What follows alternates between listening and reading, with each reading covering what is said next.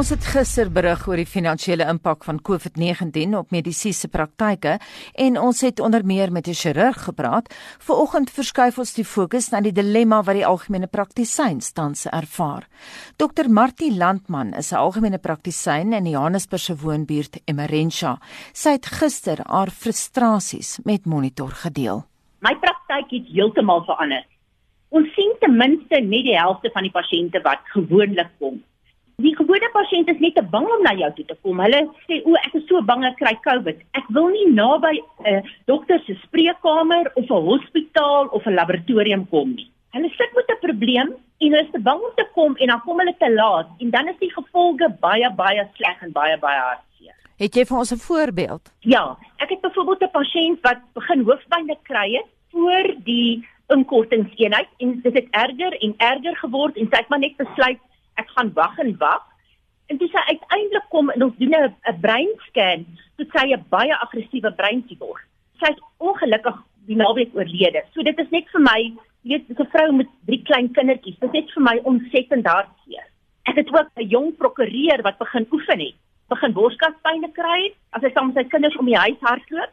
In elk geval het hy nie gekom nie en toe hy kom toe het hy klare hartaanval gehad met permanente hartskade. Wat van pasiënte met kroniese toestande? Hulle kom nie. Hulle vra vir herhaalvoorskrifte en ons is verskriklik bekommerd daaroor en ek weet een van die groot mediese fondse is in gesprek met die GP's daaroor want die mediese fonds het 'n baie voorkomende beleid. Hulle is ook bekommerd wat gaan van hulle pasiënte word want hulle kom net nie in nie. Jy sien 'n pasiënt met 'n hoë bloeddruk en hy bel en sê asseblief gee my 'n voorskrif. Ek is net te bang om te kom. Ek dink COVID gaan meer mense doodmaak van ander goed as van die infeksie self.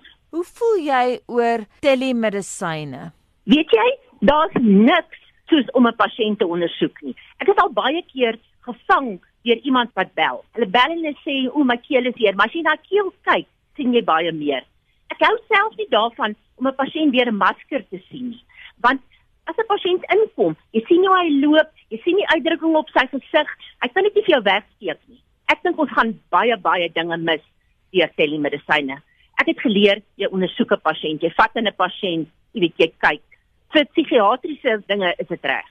Maar as 'n pasiënt siek is, ek het gister gehad iemand wat my bel wat vir my sê sy hoes, sy koors, sy's te bang om in te kom.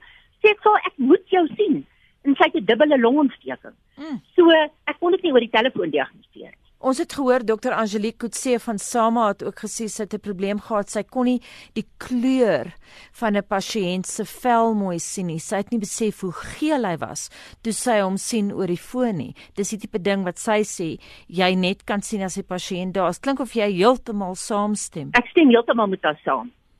'n Foto wys nie vir jou jou oë is baie beter as 'n foto. Wat van die finansiële langtermyn implikasies op jou praktyk? Ek weet nie. Ek dink dit is wat ons almal so ontstel. Hierdie is so onsekerheid. Ek het 'n groot praktyk.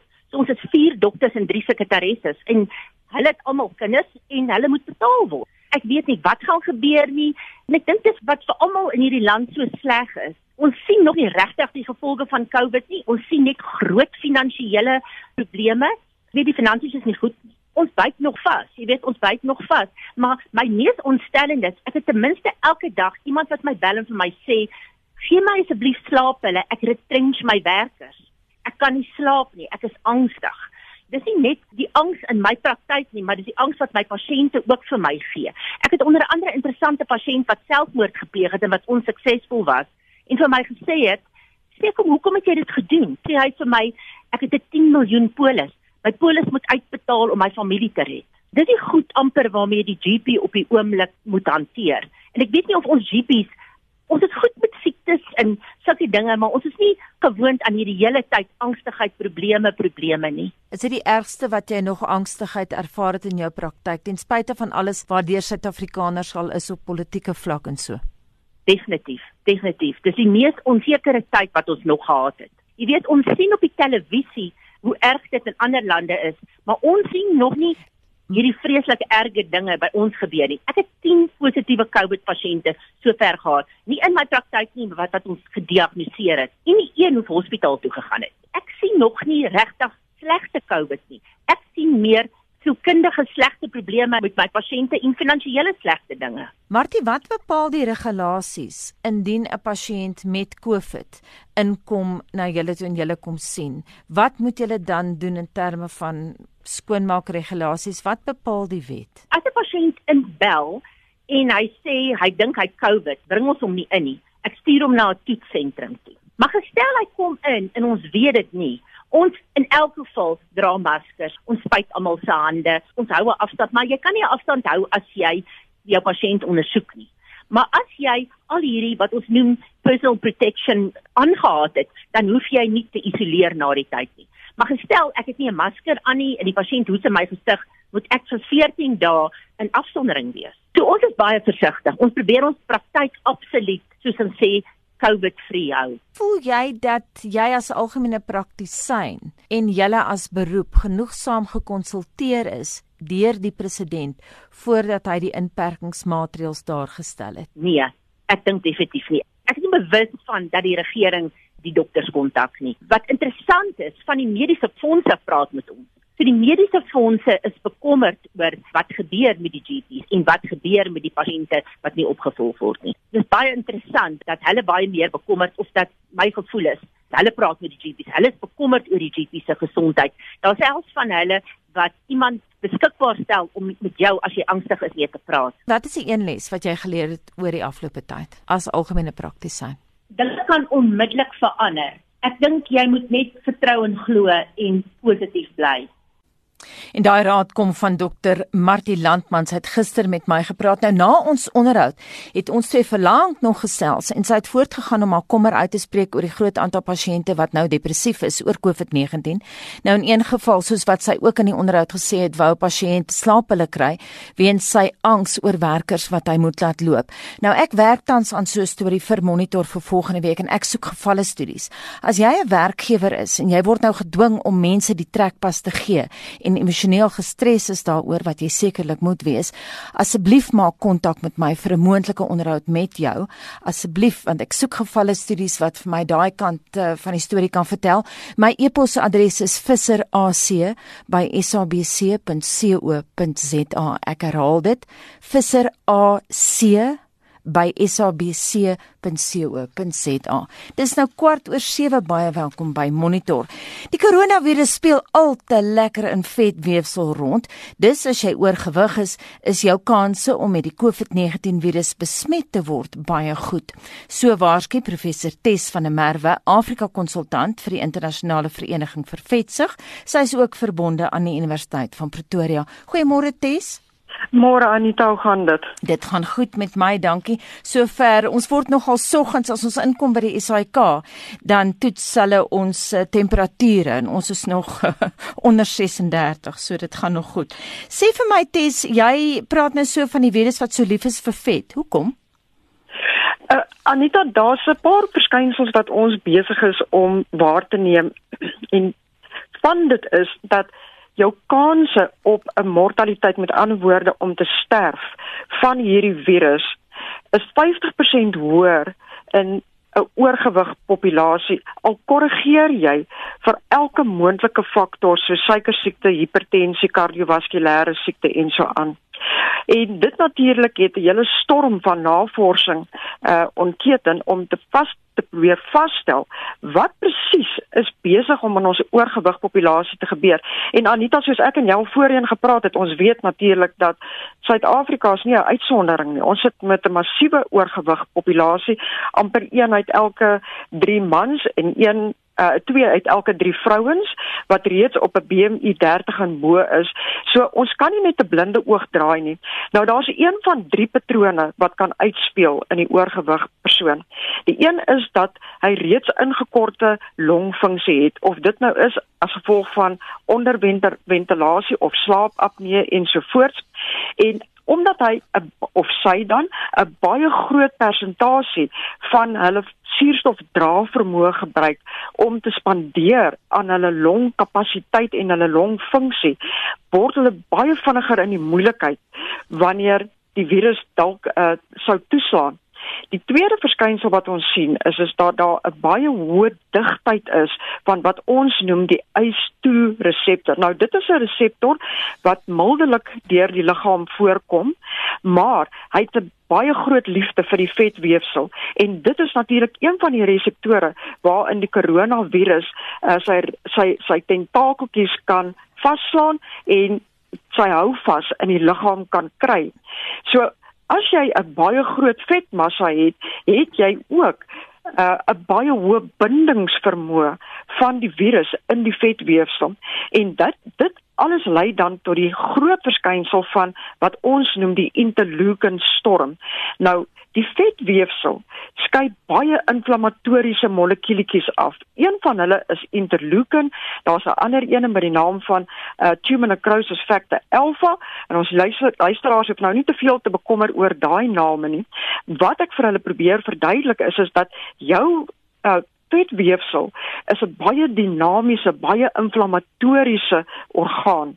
En omdat hierdie virus teer op inflammasie vind hy 'n mildelike speelveld in die uh, vetweefsel en hy ontkeer dan hierdie interleukenstorm wat eintlik in die tweede fase van die virus waargeneem word uh, speel dan uit tot uh, op die uiterste in die in die oorgewig pasiënt. En dan die laaste verskynsel wat ons dikwels sien, is dat hierdie pasiënte is baie baie moeiliker om te ventileer. Die ideale posisie om 'n pasiënt wat ventileer is wat die Engelse noem prone ventilation. Uh, ons luisteraars het moontlik al gelees daaroor. Dit beteken dat vir 'n sekere hoeveelheid ure van die dag moet die pasiënt omgekeer word op hulle maag en in daai posisie geventileer te word. En dit is natuurlik om die drukking van die hart uh, wat 'n redelike groot orgaan kan wees in mense met uh, vetsig omdat hulle baie hipertensie en kardiovaskulêre probleme het, moet jy hulle ideaal omdraai draai op hulle maag. Selfs al sou ons vir hulle uh, suurstofkanules gee, sou ons verwag van daai pasiënt om in die saal vir 'n hoeveelheid tyd deur die dag op hulle maag te lê om daai ventilasie effektief te maak. En natuurlik omdat ons baie probleme het met rugprobleme in ons pasiënt, dit is ook baie moeiliker dikwels as gevolg van buikvet uh, vir ons pasiënt om op hulle maag te ventileer, sien ons dat die prentjie wat uitspeel klinies uh, glad nie ten gunste is van oorgewig nie. Jy praat nou spesifiek van buikvet. Is dit die gevaarlikste vir diabetes? Dis ongetwyfeld so. Uh, Anita en natuurlik weet ons dat die suikersiekte en soos ons al voorheen uh, herhaalde male gepraat het, die vervette lewer uh, gaan natuurlik jou kans op 'n mortaliteit of 'n sterfte of 'n meer uitgebreide uh kliniese uh 'n uh, beeld met die COVID gaan dit baie vererger. So as ons nou nog diabetes en hipertensie en kardiovaskulêre siekte moet vat en ons sit dit nog by bo op ons uh uh oorgewig, dan sit ons eintlik met 'n verskriklike plofbare uh, situasie. En ek het met groot aandag geluister na Martie se onderhoud wat sy nou net met jou gevoer het. Anita, daar is definitief 'n stil sip epidemie besig om uit te speel wêreldwyd.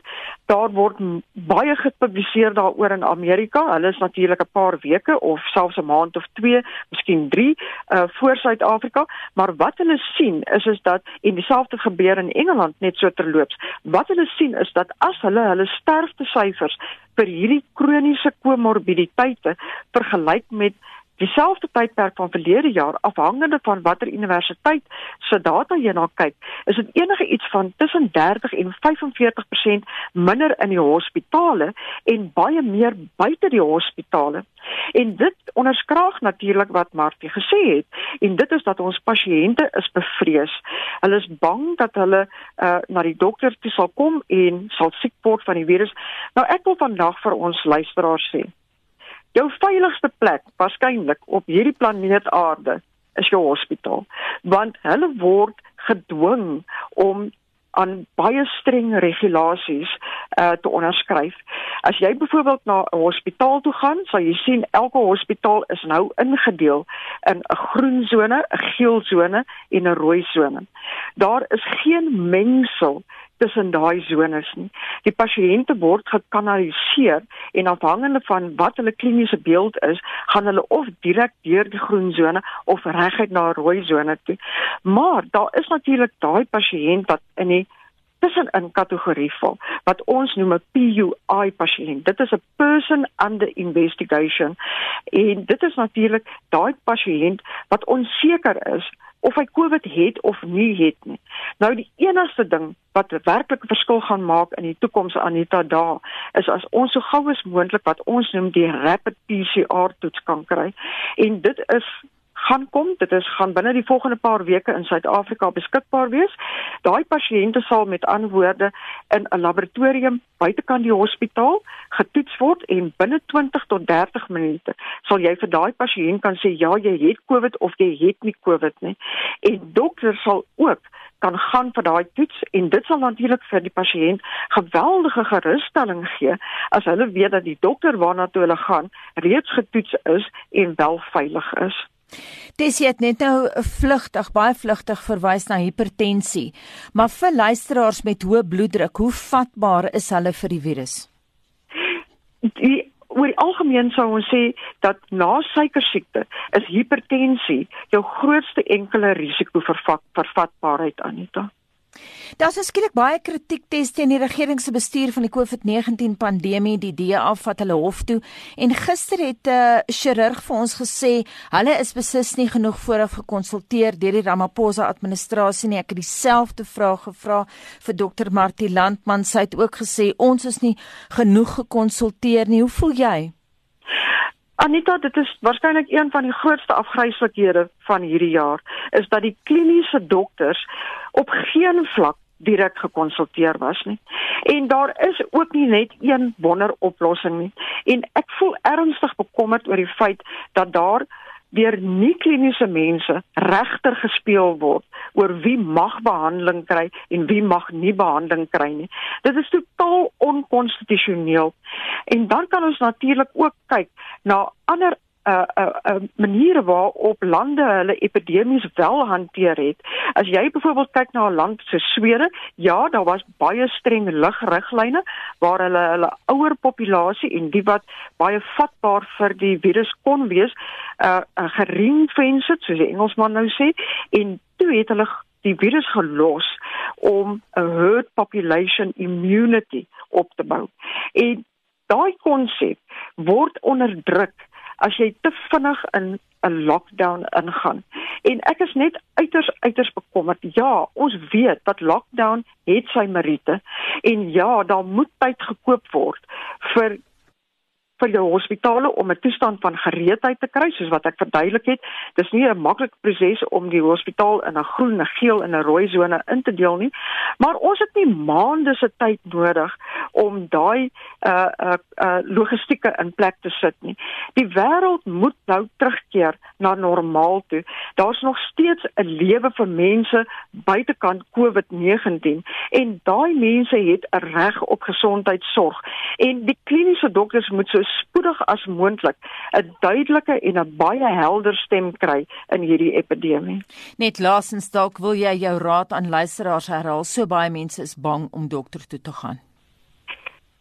Daar is dinge wat gevaarliker is om na jou dokter toe te gaan. Dis gevaarliker dikwels om in jou kar te klim en in die verkeerde rigting te ry en teen 'n kar te gaan. So ek wil vir ons pasiënte smeek vandag, moenie een van die statistieke word van daai stilsip epidemie wat nou plaasvind nie. Baie dankie en daai pleidooi kom van professor Tes van der Merwe, Afrika konsultant vir die internasionale vereniging vir vetsig. Sy is ook verbonde aan die Universiteit van Pretoria.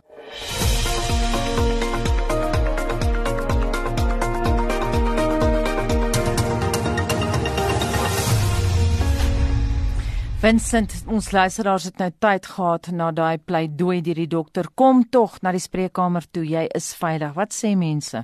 Dit klink my is 'n paar brawe mense wat sê hulle sal dis um, hulle sal na hulle dokter toe gaan, maar 'n um, meerderheid dink nie dis 'n goeie idee nie. Ons het hierso 'n um, uh, Elisabeth wat sê ons dokter in die baai het twee aparte ingange.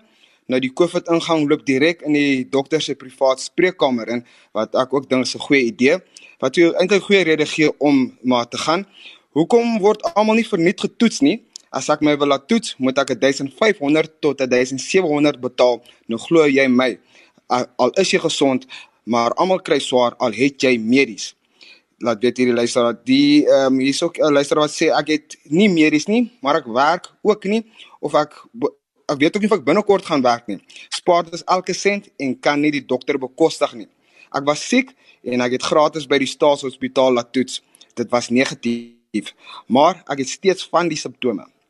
Uh hier's 'n Rita wat sê geen medies. Sou ek siek word, verkies ek om in my huis dood te gaan maar 'n staatshospitaal wat sedert 1994 so swak bestuur word en vuil is, sien my nie. Dit is nou Rita se mening daarin. Dan sê Johanna Skols, ek het dieselfde dokter vir al amper 40 jaar. As dit nodig is, sal ek gaan. Rensia Bester sê stem saam met Johanna, ehm um, wanneer dit nodig is, sal ek dokter toe gaan. Wanneer sy dink dit is nodig, sal sal ek my laat toets, dan weet ek ek is gesond. Hier's ook een van Elvis Morolong op ons Facebookblad wat sê Dit is 'n feit dat spreekkamers, klinieke en hospitale um, meer virusse en bakterieë het van wie hulle doen. Bo en behalwe die feit dat jy COVID of enige superkiem daar kan opdoen, loop hulle leeg as gevolg van die basiese higiëne wat nou nagekom word. Gewoonlik oorwerk hulle hulself gedurende die winter, dan is daar ook die wat siek briefies soek, sou soek en dit nou nie eintlik nodig het nie. Ek is altyd soort van bang veral in winter om na die spreekkamer toe te gaan. Die Marlene ehm um, Julian sê jou kans om dit te kry is groter by supermark as by 'n dokter. So Anita, jy kan daar sien dat die mense is redelik ehm um, jy weet positief oor die idee om spreekkamer toe, toe te gaan. Ehm um, is net 'n paar van die ander wat nie ehm um, wat bietjie teesinnig is om dokter toe te gaan, maar hulle het nog 'n laaste kans vir hulle om vir ons hulle mening te stuur. Is jy versigtig of teesinnig om dokter toe te gaan? Is jy bietjie bang jy sal miskien die COVID-19 virus daar opdoen? Stuur vir ons jou mening. Stuur vir ons SMS na 45889 en rand 50 per SMS of gesels saam op facebook.com vorentoe skynstreep ZARSG. Maar jy is ook welkom om 'n stemnota te stuur. Die nommer is 076 536 6961. 737 en soos gewoonlik hierdie tyd in monitor kyk ons na internasionale nuus en wat die buiteland betref is 4,5 miljoen mense met COVID-19 gediagnoseer, minstens 303 000 sterftes is aangemeld en 1,7 miljoen mense het van die virus herstel. Die VN waarsku intussen dat 'n kwart miljoen mense in Afrika die virus kan opdoen, terwyl 'n studie in die VSA toon dat inenting daar getoets word en dit werk op ape. Die middel is aan die Oxford Universiteit ontwikkel en word nou getoets op die mens. In Jemen is daar egter groot kommer dat die virus ongesiens en onverstoords versprei. Marlenae Forsie het vir ons meer besonderhede. Marlenae, goeiemôre. Goeiemôre Anita, die VN het die bekommernis uitgespreek en die land het byna geen infrastruktuur weens konflik tussen die erkende regering in die suide en die Houthi bewind in die noorde van die land nie. Nou die helfte van alle mediese fasiliteite in Jemen is vernietig. Die hospitaal in Kuwait is die beste toegerus om pasiënte te versorg, maar Dr Samira Al-Rukami waarsku dat dit hoegenaamd nie genoeg is nie.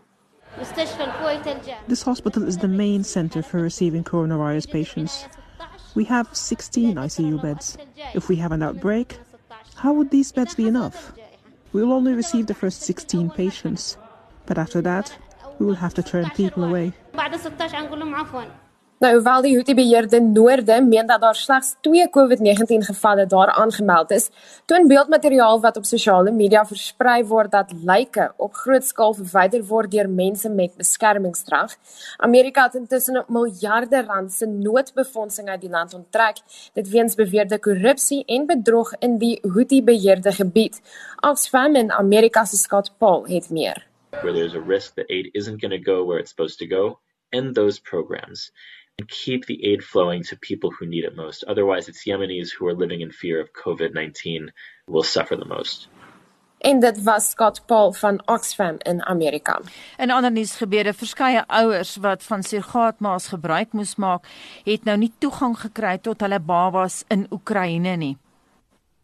Ja, net dan minstens 35 pasgeboorte babas word in afsondering in 'n hotel versorg. Dis nou tot tyd en wyl dat die ouers hulle kan kom haal te midde van al die inperkingsregulasies. Die regsverteenwoordiger vir die sentrum van menslike voortplanting, Dennis Herman. We've got uh, Chinese baby, Italian baby, Spanish baby, uh, British babies. En dan het die Switserse paartjie 'n anonieme skenking ontvang om hulle tweeling te kom haal in die land met 'n privaat vliegtyg. To sit here and have them in our arms and just like we made it. Yeah. I don't know, it's incredible. It's incredible. Hulle is egter van die min ouers wat dit reg kon kry om die land binne te kom en hulle kinders te kom haal. En dit is nie 'n onderduimse onderneming soos mense sou verwag nie. Die hele proses kos ouers sowat 900 000 rand. Nou die 35 pasgebore babas wat in die hotel versorg word, moet intussen nou nog wag vir die inperkingsregulasies om opgehef te word. En dit was Marlenae Forsie met wêreldnuus gebeure terug in Suid-Afrika. Die Comrades Marathon is vir die eerste keer in 75 jaar gekanselleer. Die wedloop van Pietermaritzburg na Durban sou oorspronklik op 14 Junie plaasgevind het. Die organiseerders het reeds in April besluit om dit uit te stel, maar met die onvoorspelbaarheid van die COVID-19 pandemie het hulle nou besluit om dit heeltemal af te las. Or organiseerders is nou vol planne vir volgende jaar wat ook die EOFees viering van hierdie ikoniese padwedloop sal wees. Anne Marie Jansen van Vieren berig. Die Comrades Ultramarathon is die grootste padwedloop in Suid-Afrika. Rolspelers soos Atletiek Suid-Afrika, die Comrades Marathon Vereniging en die Raad vir Atletiek in KwaZulu-Natal het lank gesprekke gevoer oor of dit wel nog vanjaar kan voortgaan. Die president van ASA, Alex Kosana, sê uiteindelik was die besluit om die resies te kanselleer die enigste opsie onder die huidige omstandighede. We had to take that decision in the best interest of the lives of the people, especially our athletes and our sponsors, supporters and coaches and all that. We could not be able to say the race must be able to carry on under the circumstances. Die voormalige Comrades kampioen Nick Bester sê al het hulle die nuus verwag, is dit steeds 'n teleurstelling vir duisende atlete. Maar volgens hom sou hulle nie die padwedloop na later as einde September kon uitstel nie. I can't see that that the race would have still happened this year if you take into consideration what's happening all over the world and also the weather conditions it's also a, a playing factor that this race can't be run later than October because then it will be extreme heat conditions in Durban. Bester sê vir professionele atlete is dit 'n groot slag dat soveel wedlope wêreldwyd weens die koronavirus gekanselleer word. Baie van hulle maak staat op prysgeld as deel van hul inkomste. Most of the athletes although they get supported by their clubs and sponsors with a monthly retainer, but that monthly retainer is just enough to, to, to keep them afloat. The, the real uh, money athletes and professional sports people earn is uh, actually prize money. And now with the whole year, there's no prize money for this athlete.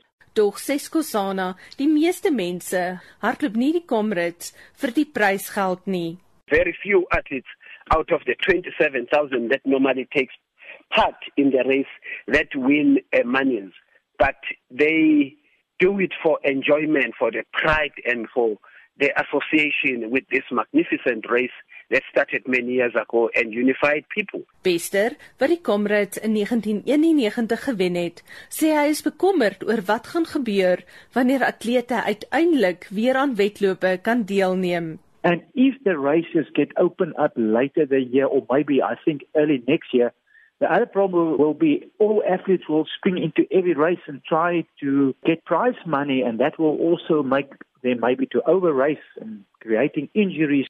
Oorseese atlete se inskrywingsfooi sal na volgende jaar oorgedra word. Plaaslike atlete se inskrywingsfooi gaan egter nie terugbetaal word nie, maar hulle sal wel steeds hul geskenkpakke ontvang wat die Comrades wapen, T-hemp en geheueskyfie insluit. Die verslag van Lebogang Dube in Johannesburg en ek is Anne Marie Jansen van Vuren vir SAK nuus. Die voormalige Ierse rugbyspeler Keith Wood het opspraak verwek toe hy die Suid-Afrikaanse spanne se deelname aan die Pro 14 kompetisie bevraagteken het. Wood sê om die Cheetahs en die Southern Kings in die toernooi te hê is 'n vermorsing van tyd. Beide spanne het skerp gereageer, sy mening verwerp en gesê daar's 'n beter kans dat die reeks sal groei en meer spanne sal insluit. Keith Wood is 'n voormalige Ierse kaptein en 'n Britse as ook Leo Haker wat in 'n pot gooi in die off the ball webruimte reguit die insluiting van die Suid-Afrikaanse en Italiaanse rugby spanne in die Pro 14 kompetisie veroordeel het. Hy het bygevoeg dat hy nie begryp waarom die Italiaanse klubs wat geen geskiedenis van wetywering in 'n Keltiese kompetisie het nie, deel is van die toernooi. Die insluiting van die Kings en die Cheetahs het hy 'n absolute vermorsing van tyd genoem. Albei die Suid-Afrikaanse spanne het reageer op Hood se uitlatings. Die bestuurende direkteur van die Cheetahs, Harold Verster, sê Hood is geregtig op sy standpunt. Ja, ek het Keith Hood se kommentaare gesien oor die Cheetahs en Kings se betrokkeheid in Pro 14. Hy was 'n briljante rugby speler en ek het baie agting vir hom. Maar dis sy persoonlike opinie. Ons is baie gelukkig in Pro 14. Die die die raad en direksie van Pro 14 is baie positief oor ons. Die spelers geniet dit om hier te kom speel, ons geniet dit daar. En ek dink uh, ons sal van krag tot krag gaan. Die afrigter van die Kings, Robbie Kempson, het in sy reaksie laat blyk dat die Suid-Afrikaanse spanne waarde bydra tot die kompetisie. Yes, definitely a place for both South African sides. Uh, I think add value to the competition and, and perhaps what they're trying to achieve.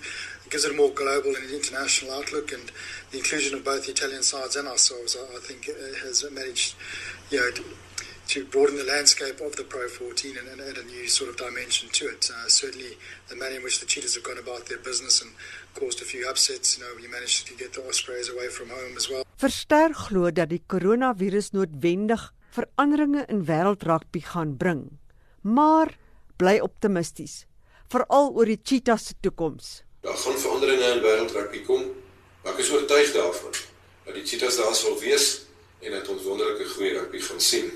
Ek hoop net dat ons gou genoeg weer kan speel terug kan gaan na die velde toe. Dan is dit belangrik om daarop te let dat daar op die oomblik 'n indringend gekyk word na die wêreld se rugby kalender en om moontlike veranderinge aan te bring ten opsigte van toetsrugby, super rugby, pro rugby en alle ander rugby reg oor die wêreld wat bekyk word. Dit gaan oor die afname hier en daar in sekere kompetisies wat hulle wil regstel en om dit meer aantreklik en opwindend te maak. Harold Verster is die direkteur van rugby by die Cheetahs. Samantha Marie van ons sportredaksie het hierdie verslag saamgestel. Mitsi van der Merwe, SAK nuus. In sy weeklikse fliekrubriek kyk Leon van Heerop van DSW na drie wyd uiteenlopende produksies. Leon, watter een is die beste van die drie? Trial by Media behoort baie luisteraars deur ander oë na koerantberigte of die nuus te laat kyk. Ons hoor altyd dat die pers sommige berigte en gerugte sensasionaliseer, maar Trial by Media wys wat werklik in Amerika se mees berugte sake gebeur het nadat die pers dit weet gehad het. Byvoorbeeld in die 90's het Jenny Jones, 'n TV-gesaagsprogram aanbieder, 'n gay man voor die kameras geplaas en daarna 'n niks vermoedende heteroseksuele man lanksom laat sit te verklaar man 1 sy liefde aan man 2 wat glad nie daarvan bewus was nie voor die hele land. 'n Ruk later het die oorblufte heteroseksuele man die ander een doodgeskiet. Die media is dan van beskuldig dat hulle die saak gesensasionaliseer het en dat die program en vervaardigers vir die vermoorde man se dood moes pa staan. Hierdie soort sake, soos ook die sogenaamde Train Vigilante in New York en die wyse waarop die pers daaroor verslag gedoen het, word in koelkop dokumentêre formaat uitgebeeld. Veral joernaliste wie se werk dit is om oor sulke sake verslag te doen, dis tog die aard van die werk want dit is nuus, né? Kan na Trial by Media gaan kyk. Dit het pas op Netflix begin 8 uit 10. Leon, maar nie al die produksies wat jy gestroom het is noodwendig goed nie. Is daar iets waarteen jy uh, luisteraars wil waarsku wat jy altyd so goed doen? Anita, jy weet mense vra altyd vir my, "Hoekom resenseer jy ook swak flieks?" Die rede is, ek resenseer hulle wanneer vir hulle moet betaal. Hulle dis huur en jy moenie jou skaars geld mors nie. The Turning op Box Office lyk op die oog af na 'n grieselgriller. Dit is nie Elke riller foefie wat al ooit misbruik is, is daarin. En regtig, 'n mens gaap jou pad deur the turning wat veronderstel is om 'n aangepaste weergawe van The Turn of the Screw van Henry James te wees, wat op sy beurt weer 'n nuwe produksie van The Innocents met Deborah Kerr is. Hoe lank kan 'n bankvrou die gillende gange hardloop met flou lig en verkoue pampoen in donker kamers skrik? 'n Mens wil later vir die karakter sê, hier is 10 sent gaan koop nog 'n breinsel. Wat soek jy nog in die huis? The Turning op box office was om die minste te sê bedenklik. Pas op, 3 uit 10. Leon, is daar 'n fliek wat jy kan aanbeveel? As ek sê tiener romanse Anita, sien ek baie mense in een trek vanaf gryse. Net nie nog hormoongedrewe jonges wat die kluts kwyl en kwyt raak nie. Maar The Half of It is seker een van die beste, mees verantwoordelike tienerflieks van die jaar. Dis op Netflix. 'n Chinese skoolmeisie skryf liefdesbriewe namens 'n lomp skoolseun aan sy meisie. Die Chinese is goed met woorde, die Amerikaner nie. Ja, dis Cyrano de Bergerac in Tienerland, maar daar's verrassings en storieslenters in The Half of It wat jy nie verwag nie. Tieners word met meer respek as gewoonlik behandel en hul probleme word oopkop aangespreek. Daar is nie 'n woeps in die hoekie en quips in die kooi fliek nie. Wat is eerste liefde? Is dit so romanties soos TV-reekse dit maak? En wat gebeur as jy nie inpas nie en jou liefde nie verstaan word nie? Onthou die titel The Half of It, bedoelende ons soek almal na ons ander helfte en 'n meisie ontmoet haar maar op 'n ander manier as wat sy verwag het. The Half of It op Netflix kry 9 uit 10. Lees die resensies op erisg.co.za, klik op fliekrubriek of luister op potgooi daarna. In die media is van dese week berig dat die aanlyn wynbestellings vir April die hoogte ingeskiet het, alhoewel dit nog nie afgelewer kon word nie. Die hoofredakteur en uitvoerende direkteur van die Woordeboek van die Afrikaanse taal, Dr Willem Botha, bespreek vandag 'n paar wynterme soos kroonjaar en 'n nebukadneser. Die donker wolk van die inperking met 'n silwer randjie vir die wynbedryf, aangesien daar 'n reuse toename in aanlyn wynbestellings is. Die aanlyn bestelling sal eers na die inperkingstyd afgelewer kan word, maar die bestellings stroom in. Die wynuitvoer daarteen het skerp gedaal in April vanweë die verbod op wynuitvoer, maar uitvoer kon daarom op 1 Mei hervat word. In die wynbedryf word kroonjaar of spitsjaar gebruik wanneer verwys word na 'n jaar waar die bedryf besonder goed gevaar het of besonder winsgewend was. Nou ons is nie daar nie, maar ons daarom 'n silwer randjie. Nebukadneser, vernoem na Nebukadneser, koning van Babel wat vermeld word in die Bybelboek Daniël, is 'n wynbottel met 'n inhoudsmaat gelyk aan 20 normale bottels. 'n Methuselah, vernoem na Methuselah, Bybelkarakter wat 969 jaar oud geword het, is 'n wynbottel met 'n inhoudsmaat gelyk aan 8 normale bottels. En laastens Rehabiam, vernoem na Rehabiam, seun van Salomo, is 'n wynbottel met 'n inhoudsmaat gelyk aan 6 normale bottels. In hierdie tyd kan ons nie eers een normale bottel wyn koop nie. Wat nog te sê, in hierdie katneser gelyk aan 20 normale bottels. 'n Ongewone uitdrukking by wyn is 'n goeie wyn het nie 'n kraans nodig nie. Iets wat goed is, hoef nie geprys te word nie. Lank gelede is herberge in Europa verplig om 'n kraans uit te hang as teken dat daar wyn gedrink mag word. Die verpligting het later vervolg maar sommige herbergiers het steeds 'n kraans uitgehang om gaste te lok. Indien die wyn in 'n bepaalde herberg van 'n goeie gehalte was, het die reisigers in elk geval daarin gegaan. So herberg het dan nie 'n kraans nodig gehad om sy wyn te adverteer nie. En vandaar die uitdrukking dat 'n goeie wyn nie 'n kraans nodig het nie. Daar is ook nog 'n uitdrukking: wyn in die man, wysheid in die kan. As jy te veel gedrink het, kan daar nie wysheid van jou verwag word nie.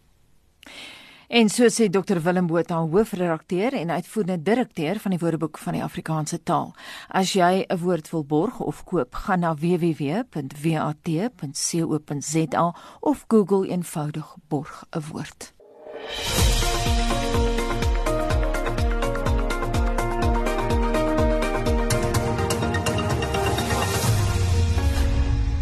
Wens Anita, ek bly om te sien ons luisteraars raak nou al hoe brawer en brawer. Ehm um, hulle mees meerderheid van hulle dink nou, okay, ehm um, miskien is dit 'n goeie idee om maar die spreekkamer te besoek aangesien hulle mos ehm um, veiliger en strenger maatreëls getref het. En jy kan dit ook hoor in die stemnotas.